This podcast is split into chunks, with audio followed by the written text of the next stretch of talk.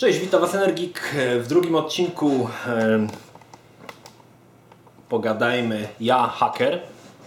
E, dzisiaj e, druga i ostatnia część tej, e, tej przedziwnej historii. Obiecałem Wam parę e, w ostatnim, właściwie taki, że cliffhanger był, ktoś napisał. Troszkę sobie obniżę kamerę. Także dzisiaj Wam te wszystkie historie postaram się opowiedzieć. Mm, Skończyliśmy w momencie, kiedy opowiedziałem Wam o e, szkole, o studiach, gdzie udało mi się stworzyć tą dyskietkę systemową i pozyskać hasła od e, różnych nauczycieli. W tamtym momencie zdałem sobie sprawę, że Turbo Pascal, chociaż w mojej ocenie był językiem strasznie prymitywnym, nadawał się też do zrobienia innych rzeczy. Co jeżeli chciałbym napisać wirusa? Teoretycznie, to jest oczywiście, to wtedy tak myślałem, teoretycznie jeżeli ja napiszę wirusa, podrzucę komuś na komputer, to ten wirus będzie musiał działać, bo antywirus nie zna mojego wirusa, bo nie ma sygnatury jego, tak? Ja go dopiero stworzyłem. Oczywiście zacząłem sobie kombinować pod tym kątem, co to by ciekawego zrobić, żeby e, wpuścić komuś wirusa. Właściwie to była taka, taki eksperyment, co mogę zrobić na Turbo Pascalu, aby e, coś niecnego zrobić.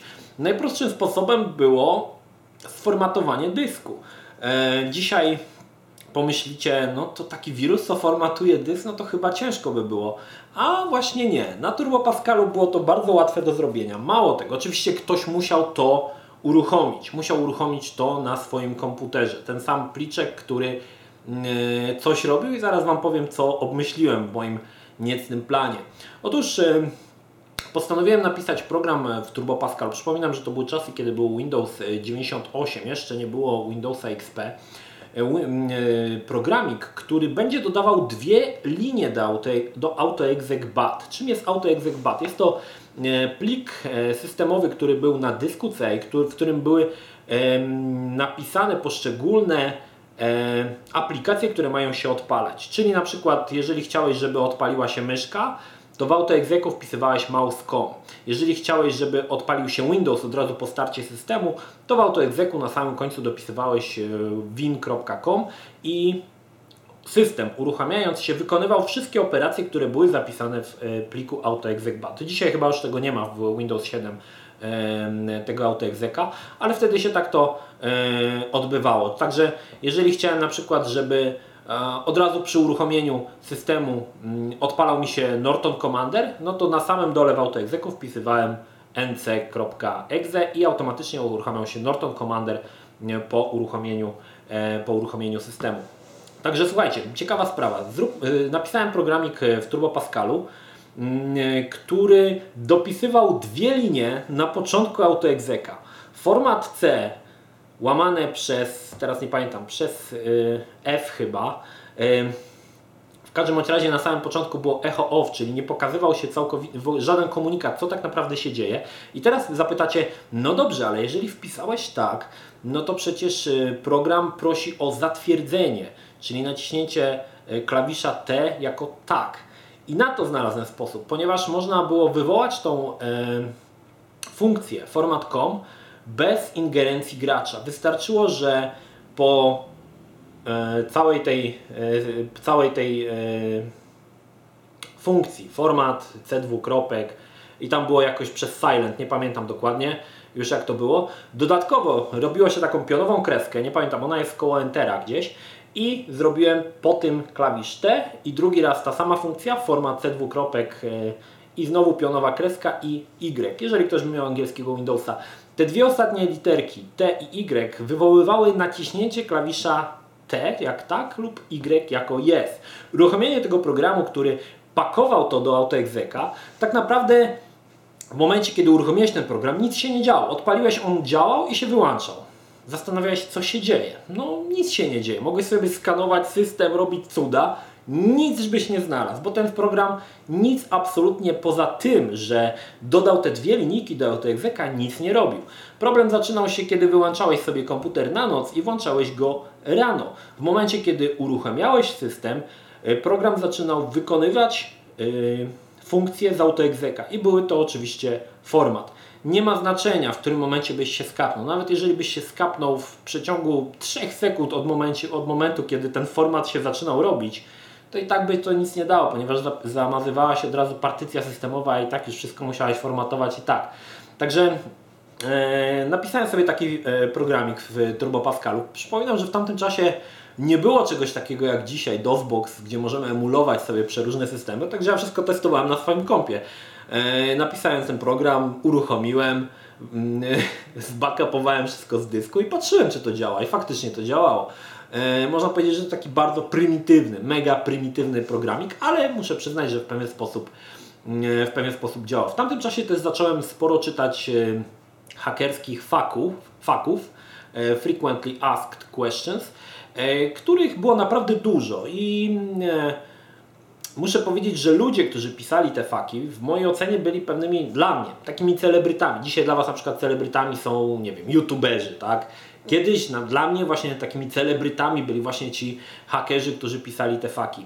Faki były pisane w pliku tekstowym, zawierały one czasami tak zwane listingi, czyli gotowy program, który kopiowało się, e, całą, całą, e, cały blok e, taki kodu kopiowało się do nowego pliku i można go było sobie skompilować. Tam były przeróżne te faki. Wierzcie mi, że ja znalazłem taką płytę, gdzie, gdzie miałem te faki. Było tego od groma, przeróżnych, przeróżnych porad, przeróżnych właśnie tych listingów, porad z zakresu social engineeringu, było tego naprawdę dużo. Najbardziej chyba najfajniejsze, najlepsze faki e, to był Hackzin, o ile dobrze pamiętam, ale tu był też pewien problem. Miałem pięć tych e, części tych zinów, ponieważ jeżeli chciałeś odpalić Hackzin, musiałeś znać hasło. Było jakieś tak sprytnie zrobione, że fak był w pliku exe.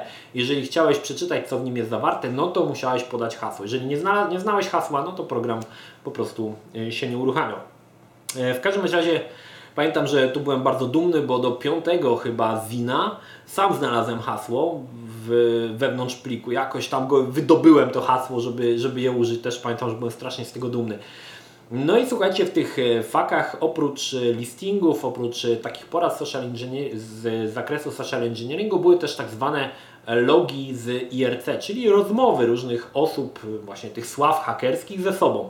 W ówczesnym czasie była taka dosyć głośna sprawa, gdzie e, grupa hakerów włamała się do e, czegoś takiego, co się nazywa ODI, to było ogólnopolski dostęp do internetu, coś takiego. I oni tam wleźli i coś tam pokombinowali, właściwie nic złego nie zrobili, ale zapomnieli o jednej bardzo ważnej rzeczy, każdej, rzeczy, o której każdy haker powinien pamiętać. W momencie, kiedy włamujecie się do systemu, zanim wyjdziecie z tego systemu, trzeba usunąć tak zwane logi. Logi, które pokazują kto z jakiego IP gdzie wszedł i co robił.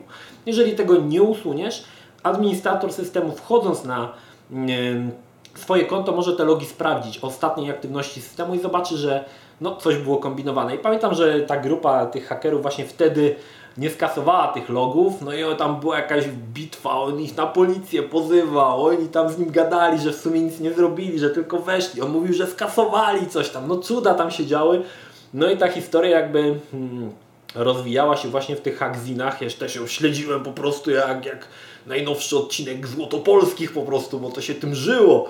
No i to było bardzo, bardzo takie hmm, ciekawe i w pewien sposób inspirujące. E, tutaj też zauważycie pewną e, rzecz, mianowicie w tamtym czasie zacząłem pisać swoje faki i napisałem też jedno z moich najbardziej sławnych opowiadań, e, które co ciekawe jest znane na całym internecie, a ja nawet o tym nie wiedziałem. Jest to z poradnika hakera i znajdziecie tutaj sporo nawiązań do, w moich opowieściach do tego poradnika hakera, bo trochę też pisałem to na podstawie moich jakichś tam doświadczeń. E, w każdym razie, e, te faki, mówię, czytałem tego naprawdę, naprawdę dużo. E, często, tak jak mówiłem, języka C+, ja ogólnie jestem całkowicie dupa z programowania, to muszę Wam powiedzieć szczerze, że poza tym Turbo Pascalem dla mnie C+, C++, ani każdy inny język programowania to jest całkowicie czarna magia, ja się tego nie mogę nauczyć. dlatego bardziej jestem grafikiem niż, niż programistą to w ogóle nie jestem. To nawet strony nie potrafię, słuchajcie, zakodować jakiejś mega prostej, także całkowicie, całkowicie jest to dla mnie czarna magia. I czytanie tych faków, tych listingów było dla mnie totalnie niezrozumiałe, bo ja widziałem ten listing, a mówię, no ja, co tu w ogóle się dzieje, nie? No to kopiowałem to, jeżeli było na system, który e, na przykład był w szkole, bo na studiach, bądź w domu miałem i sprawdzałem jak to działa, tak? Em, jak, to, jak to śmiga. W każdym razie hmm, w, tym, w tamtym momencie e, jest coś takiego w człowieku, że jeżeli e, jest coś, czym się interesujesz, no to szukasz innych osób, które się tym interesują. To jest naturalne, że lgniesz do tych osób, które wiedzą coś więcej, bo może się dowiesz czegoś nowego, bądź e, chcesz podzielić się jakimiś doświadczeniami. No i wtedy e, zacząłem też e, e, szukać takich osób, e, szczególnie z tych faków, po, po tych ksywach, zacząłem szukać tych osób, gdzie, gdzie oni w ogóle tutaj bywają. Wiedziałem, że gdzieś na Ircu, ale e, szukałem, szukałem właśnie tych osób, żeby z nimi pogadać. No i najbardziej taki e, popularny kanał hakerski to był hack.pl, o ile dobrze pamiętam. Hack.pl? Chyba tak, hack.pl. Byłem tam paręnaście razy i to jest właśnie tak, jak napisałem w moim opowiadaniu. Tam siedziało ileś tych osób, ale nikt się do nikogo nie odzywał, nie? Także mogłeś siedzieć tam dwa dni i nikt się nie odezwał, więc ja tam zawsze na privie do kogoś tam pisałem, ale tam się do mnie nikt nie odezwał. No raz mi się odezwał jakiś gościu i to taki był zacny, zacny chyba jeden z najlepszych em, ówczesnych hakerów, przynajmniej no nie wiem czy najlepszy, ale taki najpopularniejszy z tych faków. Pamiętam, że się jarałem tym niesamowicie, że w ogóle się do mnie odezwał, że mogłem pogadać z taką właściwie sławą, tak? W każdym razie hmm, no właśnie ten y, hack.pl był takim pewnego rodzaju em, kanałem, gdzie, gdzie przesiadywali, tak? przesiadywała cała elita hakerstwa, że tak powiem. E, I co ciekawe też e, wtedy zawiązałem dwie przyjaźnie, co prawda poza kanałem hack.pl, bo raczej chyba oni byli, jakoś się pokazywali na k- kanale Aliens, czy tam na Coffee, Coffee nie pamiętam. I było dwóch takich gości, nie będę mówił tutaj ich ksyw, bo nie wasz, wasza ksywa, ich ksywy wam nic nie powiedzą. Dwóch gości, z którymi się jakoś tak zaprzyjaźniłem, oni faktycznie byli wymiataczami. E, Wymienialiśmy w pewien sposób informacje. Oczywiście ja, wiecie jak to jest na internecie, na czacie, możesz zgrywać sobie każdego, więc ja zgrywałem, że ja, to C+, to mam w małym paluszku, ja się na wszystkim znam, nie? To nie ma problemu, nie? I e, oczywiście dzięki temu troszkę okłamywałem tych gości z drugiej strony, że ja się na tym znałem i mogłem jakieś informacje od nich wyciągnąć, albo po prostu sobie porozmawiać o tym, co nas, e, co mnie interesowało, tak? E, W pewien sposób. E, W tamtym czasie też zacząłem pisać swoje faki hakerskie. One były takie mocno, mocno amatorskie, muszę przyznać, ale e, zawierały parę, wydaje mi się, cennych y, uwag, na przykład odnośnie tych przejmowania tych kanałów, em, jakieś tam, powiem szczerze, że znalazłem to na płycie, ostatnio przeglądałem, tak nie pamiętam dokładnie, dokładnie o, co tam, o czym tam jeszcze było. Było tam jakieś listingi e, odnośnie jakichś dropów, y, różnych takich tam pierdół, takich można powiedzieć e, stricte rzeczy oczywistych i między innymi było właśnie to opowiadanie z, pamięt, z pamiętnika hakera, które no ktoś po prostu wyciął i wkleił na te różne portale, a w ogóle się potem, potem, ostatnio się dowiedziałem, że to w ogóle CD Action było, słuchajcie, wydrukowane. to w ogóle ta sława to jest tak jak z moją płytą, z moją e, sławą hip-hopową, która gdzieś się toczy obok mnie, ja w ogóle o tym nie wiem. Potem się dowiaduję po latach, że ta płyta gdzieś tam w Warszawie latała, że ludzie ją znają, słuchają, że cenią, a ja nic o tym nie wiem. Podobnie, podobnie z tym e, właśnie e, z pamiętnika hakera e, po latach się dowiedziałem, że to takie sławne, w ogóle wiecie, w ogóle o tym nie, nie, nie, od tego nie kojarzyłem.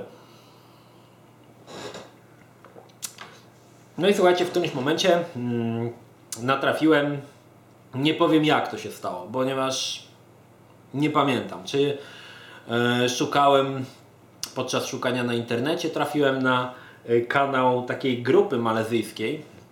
E, pamiętam, że sobie wszedłem na, tą, na, tą, na ten kanał tam i zacząłem sobie z tymi, z tymi kolesiami gadać, właściwie z jednym takim gościem, on się nazywał Tojol. Em, Zaczęliśmy sobie gadać i okazało się, że oni są nie tyle grupą hakerską, co grupą krakerską, działają- działającą pod skrzydłami jakiejś tam większej grupy. E, I oni krakowali gry, ale przy okazji też od czasu do czasu robili jakieś tam, właściwie oni zajmowali się z e, gatunku hakerskiego tylko jedną rzeczą, ale to zaraz Wam powiem. Zacząłem sobie z nimi, e, z nimi rozmawiać. mm, w jaki, coś oni się tam potrzebowali w którymś momencie pomocy ode mnie. Znaczy, ja akurat mm, zaoferowałem pomoc, nie pamiętam dokładnie o co chodziło. Yy, Coś było z kontami, a może ktoś im przejął kanał, ja po prostu im ten kanał odbiłem. Coś takiego było, słuchajcie, nie pamiętam. Chyba tak, chyba to było coś takiego, że, że ja yy, przy pomocy z moimi kolegami yy, ze studiów odbiliśmy im ten kanał. ten kanał ich na Ircu, bo ktoś im przejął, czy jakaś wroga grupa hakerska, czy tam wroga grupa krakerska. Jakoś, jakoś my żeśmy ten kanał im odbili.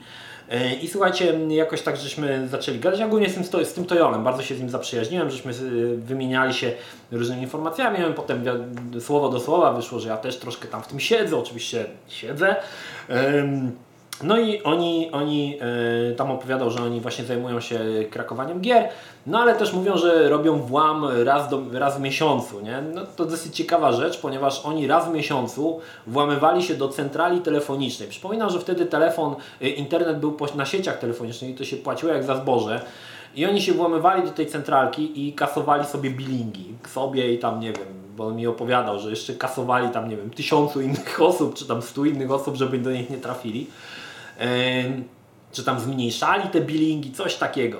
E, W każdym razie e, to była ich jedna z właśnie takich e, sposobów na uniknięcie wysokich rachunków telefonicznych.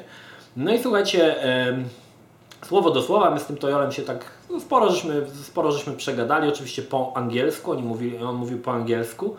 No i oni pewien spo, w pewnym momencie zaproponowali mi, żebym ja dołączył do ich grupy.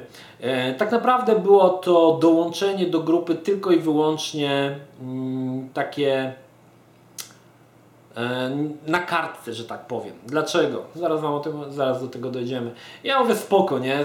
Fajnie by było należeć do jakiejś grupy i tam pamiętam, że w tej grupie było chyba z 6 albo z 8 osób i byłem tam jedynym Polakiem, jedynym obcokrajowcem. W ogóle tam większość się dziwiła, gdzie to w ogóle Polska, panie, co to w ogóle Polska jest, nie?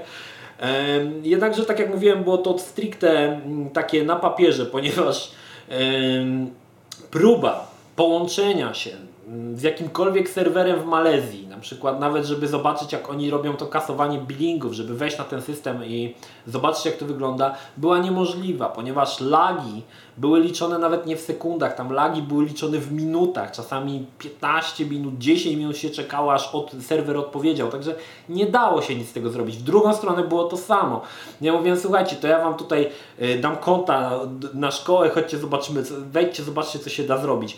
Ale oni po prostu mówią, że to się nie da, że lag jest tak długi, oczekiwanie na y, odpowiedź od serwera. Oni jeszcze jakoś tam robili y, pajączka, czyli łączyli się przez różne serwery, żeby trudniej ich było y, namierzyć, to Boże, on mówi, że, że to się w ogóle nie da, że oni jak tam w końcu ktoś wszedł na serwer i na, na, wpisał ls, żeby zobaczyć listing plików na serwerze, to tam, nie wiem, z 10 minut na to czekał, także nic się nie dało zrobić za bardzo na taką dużą odległość, ale no, w pewien sposób y, istniałem w statucie tej grupy jako jeden z członków takich, można powiedzieć, bardziej honorowych, E, no bo no, raczej nie, nie takich, e, że tak powiem, praktycznych. E, Fajna jeszcze sprawa z Tojolem. Pamiętam, że kiedyś siedzieliśmy, byłem na studiach, to było już w zimę, taka była konkretna zima, słuchajcie. Siedzę, nie, i tak mm, e, pytam się, co tam, co tam, nie, tak gadam, gadają, mówię, że to tak zimno cholernie, nie, że taka zima w ogóle przywaliła. W ogóle nie skojarzyłem, że to Malezja, tam zimy nie ma, nie. On mówi, że że u nich to gorąco, nie? Gorąco i deszcz padł. Jak to? Nie? Mówię, no tak, przecież tam nie ma zimy. I ten Tojol mówi, słuchaj, ja mam do ciebie prośbę, ty weź, weź aparat, zrób parę zdjęć tego śniegu, bo ja w życiu śniegu nie widziałem, nie? Tak znaczy on wiadomo, no, tam na, na zdjęciach, na obrazkach to widział, nie? Ja tam pamiętam, że aparat, te zdjęcia cykałem y, w parku tego, jak to wygląda w Polsce, słuchajcie, mu wysłałem, się cieszył jak dziecko, słuchajcie, że w ogóle, wiesz, wiecie, coś, coś takiego dla nas prozaicznego, jak śnieg, to dla niego ogóle coś, coś niesamowitego, nie? Jakiś kosmos. Ym, a, no jeszcze nie powiedziałem skąd y, był Tojol. Tojol był z Kuala Lumpur, czyli to jest y, stolica Malezji. No i on w zamian mi przysłał na przykład właśnie zdjęcia z tego Kuala Lumpur. Tam były takie na przykład y, budynki, najwyższe budynki na świecie, czy coś takiego. No i on podsyłał też takie zdjęcia. Słuchajcie, dla mnie też to, bo to jak on zobaczył śnieg, no to jak ja zobaczyłem jak wygląda w Kuala Lumpur, o, ale super, nie? W ogóle masakra, nie? Nawet przez y, pewien czas y, myśleliśmy o tym, żeby się nie odwiedzić, czyli żeby on nie przyjechał do Polski, a żebym ja e, poleciał do Malezji, ale oczywiście to było tylko w kwestiach e, marzeń, że tak powiem, bo koszty e, w jedną i w drugą stronę były po prostu wtedy koszmarnie wysokie i to, to w ogóle nie było o czym mówić, ale tak żeśmy snuli takie plany, że kiedyś się odwiedzimy i pogadamy jak, jak, to, jak to właśnie wiecie. No tak, po prostu pogadamy, tak, na, na, na, albo w Malezji, albo w Polsce.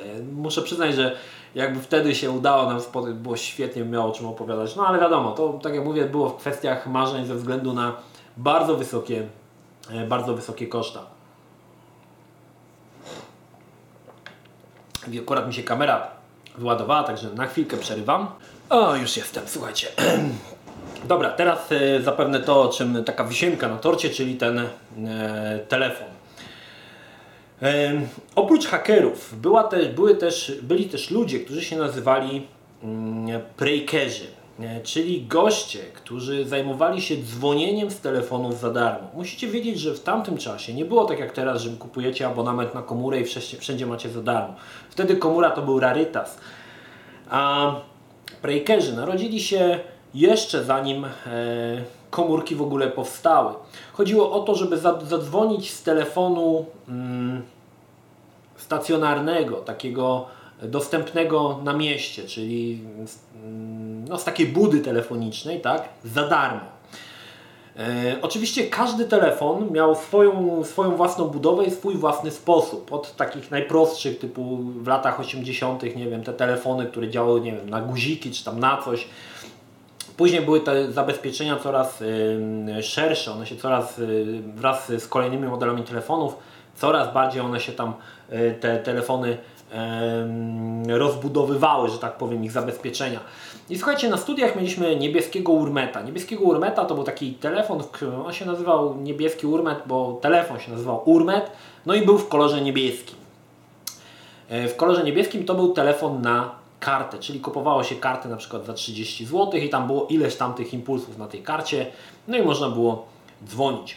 Na studiach poznałem jednego gościa e, z tego samego roku, tylko w równoległej grupie, który właśnie był takim breakerem i który ogarniał temat. Muszę przyznać, że ogarniał temat. I pokazał mi, w jaki sposób z tego niebieskiego urmetu dzwonić za darmo.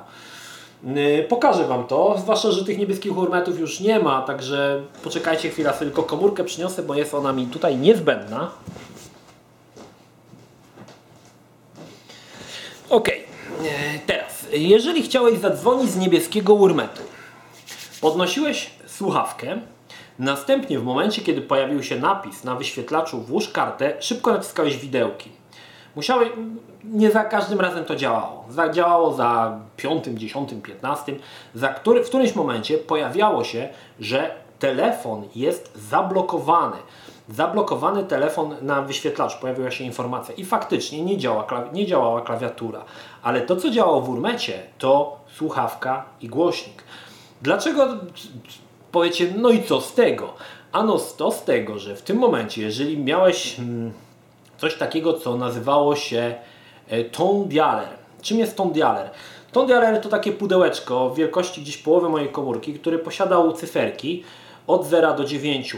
Wpisywałeś numer, następnie e, klikałeś Enter i Tone Dialer wysyłał tonowo dźwięki. Czyli najprościej mówiąc, jeżeli macie komórkę, każdy, każda komórka jest tak naprawdę tone dialerem. Jeżeli włączycie sobie komórkę i weźmiecie, ustawicie wybieranie numerów, każdy klawisz ma swój ton. Każdy ton ma określoną częstotliwość. Y, każdy urmet niebieski miał możliwość pobierania numeru telefonu z ton dialera.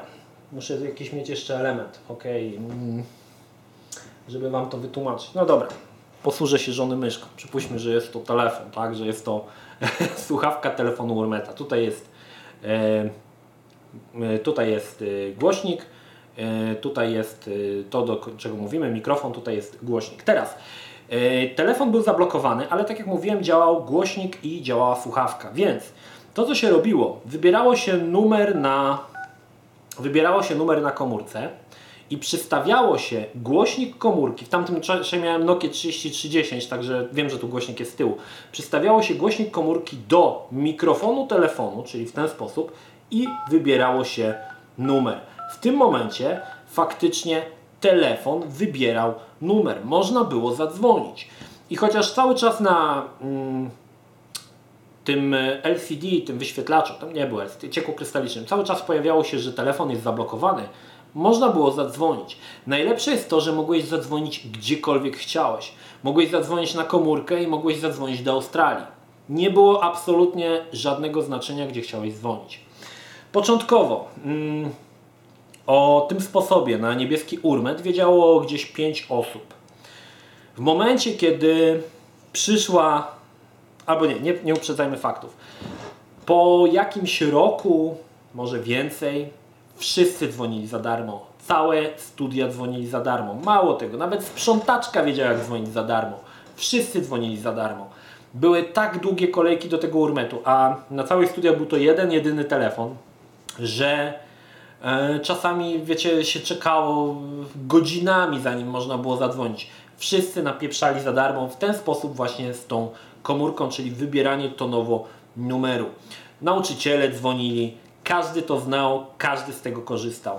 Telekomunikacja nie mogła za bardzo nic zrobić, ponieważ w tamtym czasie e, było to podpięte pod jakąś starą centralkę.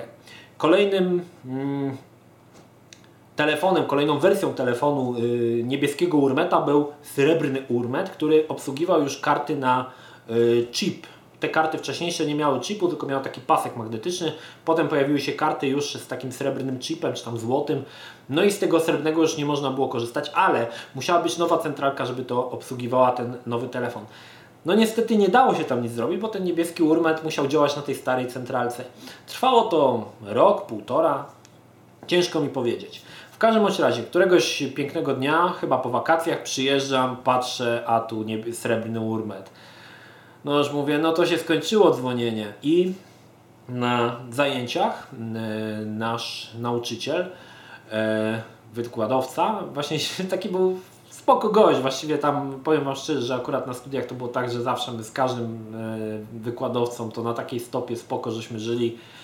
Nie, także pytam się, co się stało z niebieskim urmetem, nie? Bo, już, bo chciałem zadzwonić. A ten gościu mówi, że oni zdjęli ten urmet, bo miesięczne rachunki za ten telefon wynosiły 200 tysięcy złotych.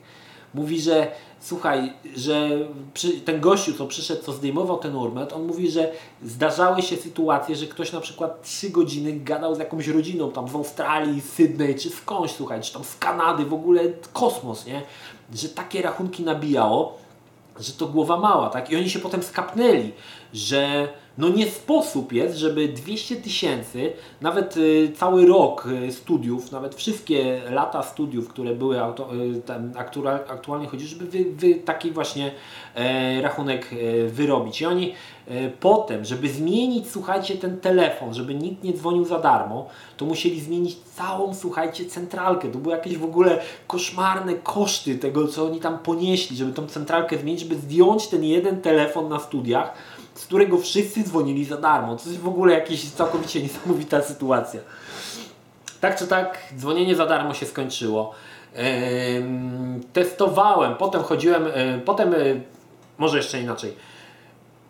W Łodzi było jeszcze sporo niebieskich urmetów, ale były one podpięte pod nowe centralki. Co to oznaczało?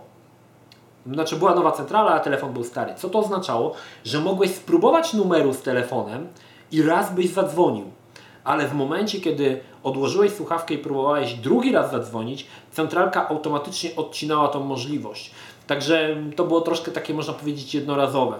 Po srebrnych urmetach na chipy, na które nie znałem sposobu, aczkolwiek y, podobno dzwonili za darmo, ale ja nie znałem tego sposobu. Może już po prostu dlatego, że nie chcieli, te osoby, które wiedziały to, nie chciały tego rozpowiadać, ponieważ znowu by była chryja, e, znowu by zmienili na kolejny telefon, także już e, jakoś to do mnie nie doszło. Potem były już całkowicie tej telefony jajka, czyli takie okrągłe, e, takie w kształcie elipsy, to już, to już potem już na studiach nie chodziłem na studia, już skończyłem studia, także to już było długo, długo później.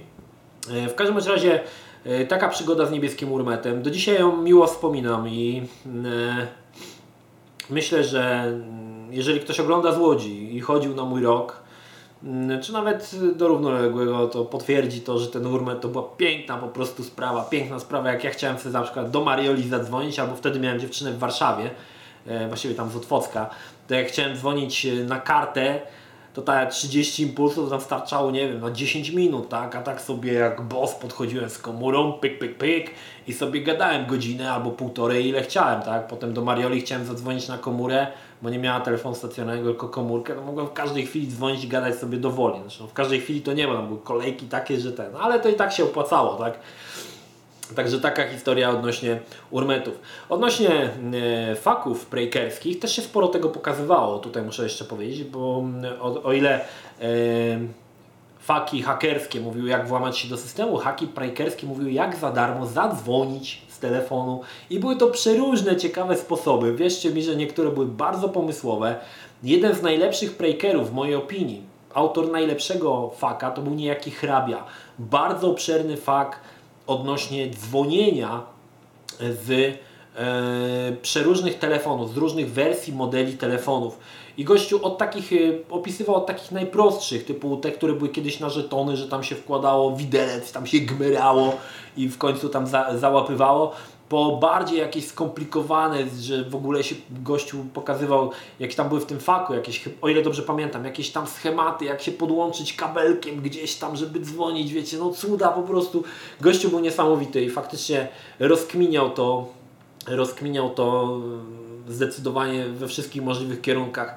I no jeszcze rzeczą, o której Wam powiem odnośnie dzwonienia za darmo, to już może nie jest takie, nie jest do końca takie breakerskie, E, ale też znałem jednego gościa, który to posiadał, mianowicie e, ludzie pracujący w telekomunikacji polskiej, właśnie na serwisach tych telefonów e, zewnętrznych, mieli tak zwaną kartę serwisową. Karta serwisowa polegała na tym, że można było zadzwonić z niej za darmo, ona posiadała chyba jeden niekończący się impuls, coś takiego. I można było z niej dzwonić za darmo. Jeden gościu miał tą kartę. E, na moje, kiedyś z nim zagadałem się, pytam, słuchaj, ty, a jak to tą kartę w ogóle, nie?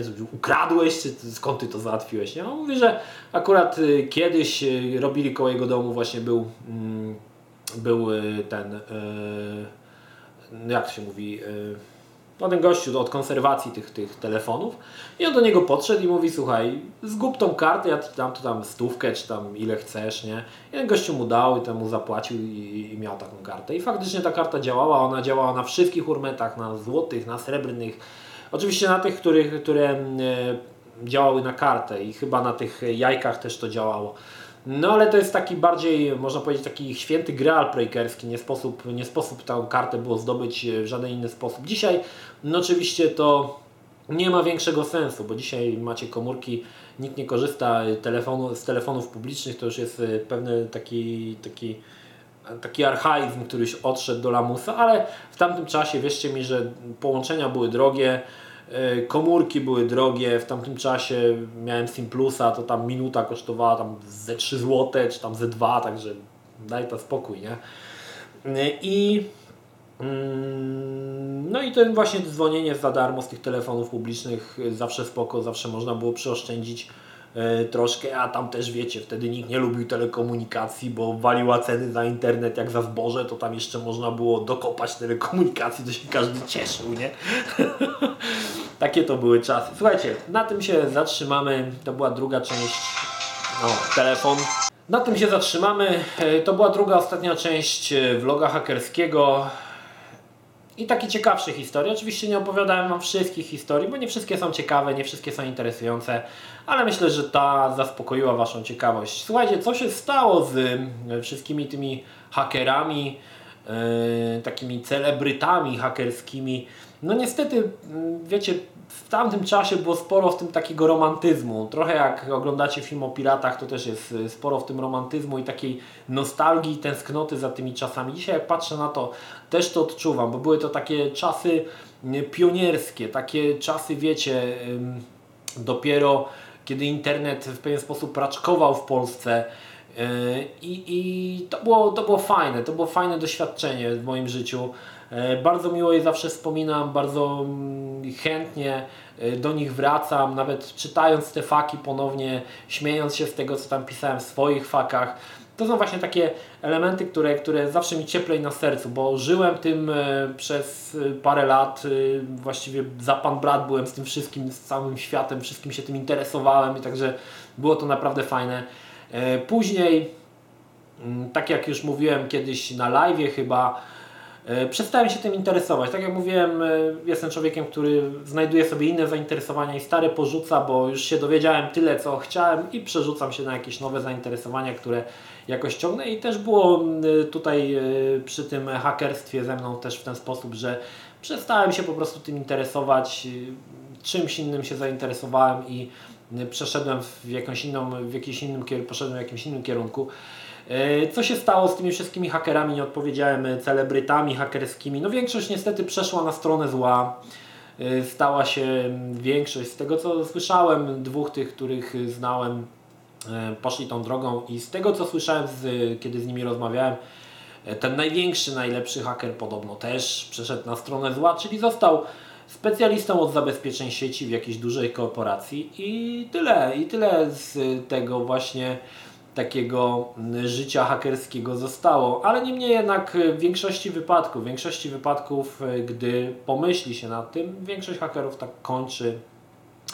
Jeżeli nie złapią ich ludzie w czerni i nie, nie, nie są ścigani po całym świecie, jak nie wiem, Snowden, chociaż Snowden to nie do końca haker, e, czy tam powiedzmy Kevin Mitnick, czy Pulsen, e, większość e, z nich przechodzi na tą dobrą stronę, oczywiście dla świadka hakerskiego zła strona, przechodzi na tą dobrą stronę i zostaje specjalistą od zabezpieczeń sieci i rzeczy, które wykorzystywał wcześniej do e, złamania haseł, do zdobywania haseł, tym razem e, stosuje je do zabezpieczeń, do zabezpieczeń przed właśnie intruzami, którzy korzystają z tych samych technik. Dzisiaj grupy hakerskie, czy też hakerzy tak naprawdę nie są, to się troszkę zmieniło. Kiedyś e, to były indywidualności, bądź zrzeszali się w mniejsze lub większe grupy. Dzisiaj mamy największa chyba grupa hakerska, e, Anonymous, e, tak naprawdę zdece- zdecentralizowana. To jest grupa ludzi, którzy każdy może być w ich drużynie, każdy może być w drużynie Anonymous. Ich siła polega na tym, że są oni rozsiani po całym świecie. Nie ma konkretnego statutu, nie ma konkretnego jakiegoś takiego wodza. E, Jest to po prostu grupa, która e, w momencie, kiedy jest jakieś e, sprawa, na którą muszą się pochylić, mobilizuje siły z różnych części świata i robią jeden atak, na przykład tak jak było kiedyś na PSN z PSN-em, to nie, PSN to jakaś inna grupa. W każdym razie no, to troszkę tak zatraciło całą swoją indywidualność na rzecz właśnie takiego szarej masy, która no, na pewno jest trudniejsza do, do złapania, do namierzenia, ale oczywiście to już jest e, inna sprawa. Polska grupa hakerska, taka najbardziej popularna, no, ciężko powiedzieć, że to spektakularne jakieś były wyczyny, ale to byli chyba zdecydowanie gumisie, którzy włamywali się na strony na przykład, nie wiem, e, policji, tak, główną stronę policji, zmieniali im stronę główną, wrzucając właśnie obrazki z gumisiami. Oni się właśnie nazywali gumisie i ci te gumisie zasłynęli z paru właśnie takich włamów na różne strony rządowe, gdzie zmieniali stronę główną właśnie wrzucając te misie e, Disneya na, na, na, na, na główną i, i zostawiali tak to. Także e, to też była też e, haker tak naprawdę nigdy nie zależało hakerowi, znaczy to oczywiście zależy od człowieka, ale nie, ja tak postępowałem i wielu czytając oczywiście w fakach, wielu, wielu hakerów postępowało ponownie. Nie chodziło o to, żeby ukraść coś, bądź skasować, bądź zniszczyć. Chodziło o to, żeby sprawdzić się z samym sobą, pokonać zabezpieczenia systemu i pokazać, że jest się po prostu lepszym. I to była głównie, główna idea właściwie hakerstwa. I tak też to, yy, to powinno być postrzegane. Oczywiście przez media hakerzy zostali pokazani jako zazwyczaj ci, ci źli, którzy kasują, niszczą, w ogóle cuda robią niewidy.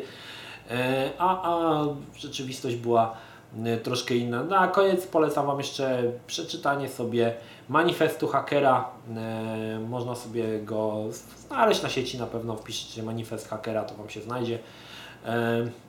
To jest sposób myślenia, myślenia, myślę, hakerów, który od lat jest w pewien sposób chyba kultywowany. No dzisiaj, dzisiaj troszkę hakerzy bardziej właśnie walczą z systemem, walczą z yy, niesprawiedliwością.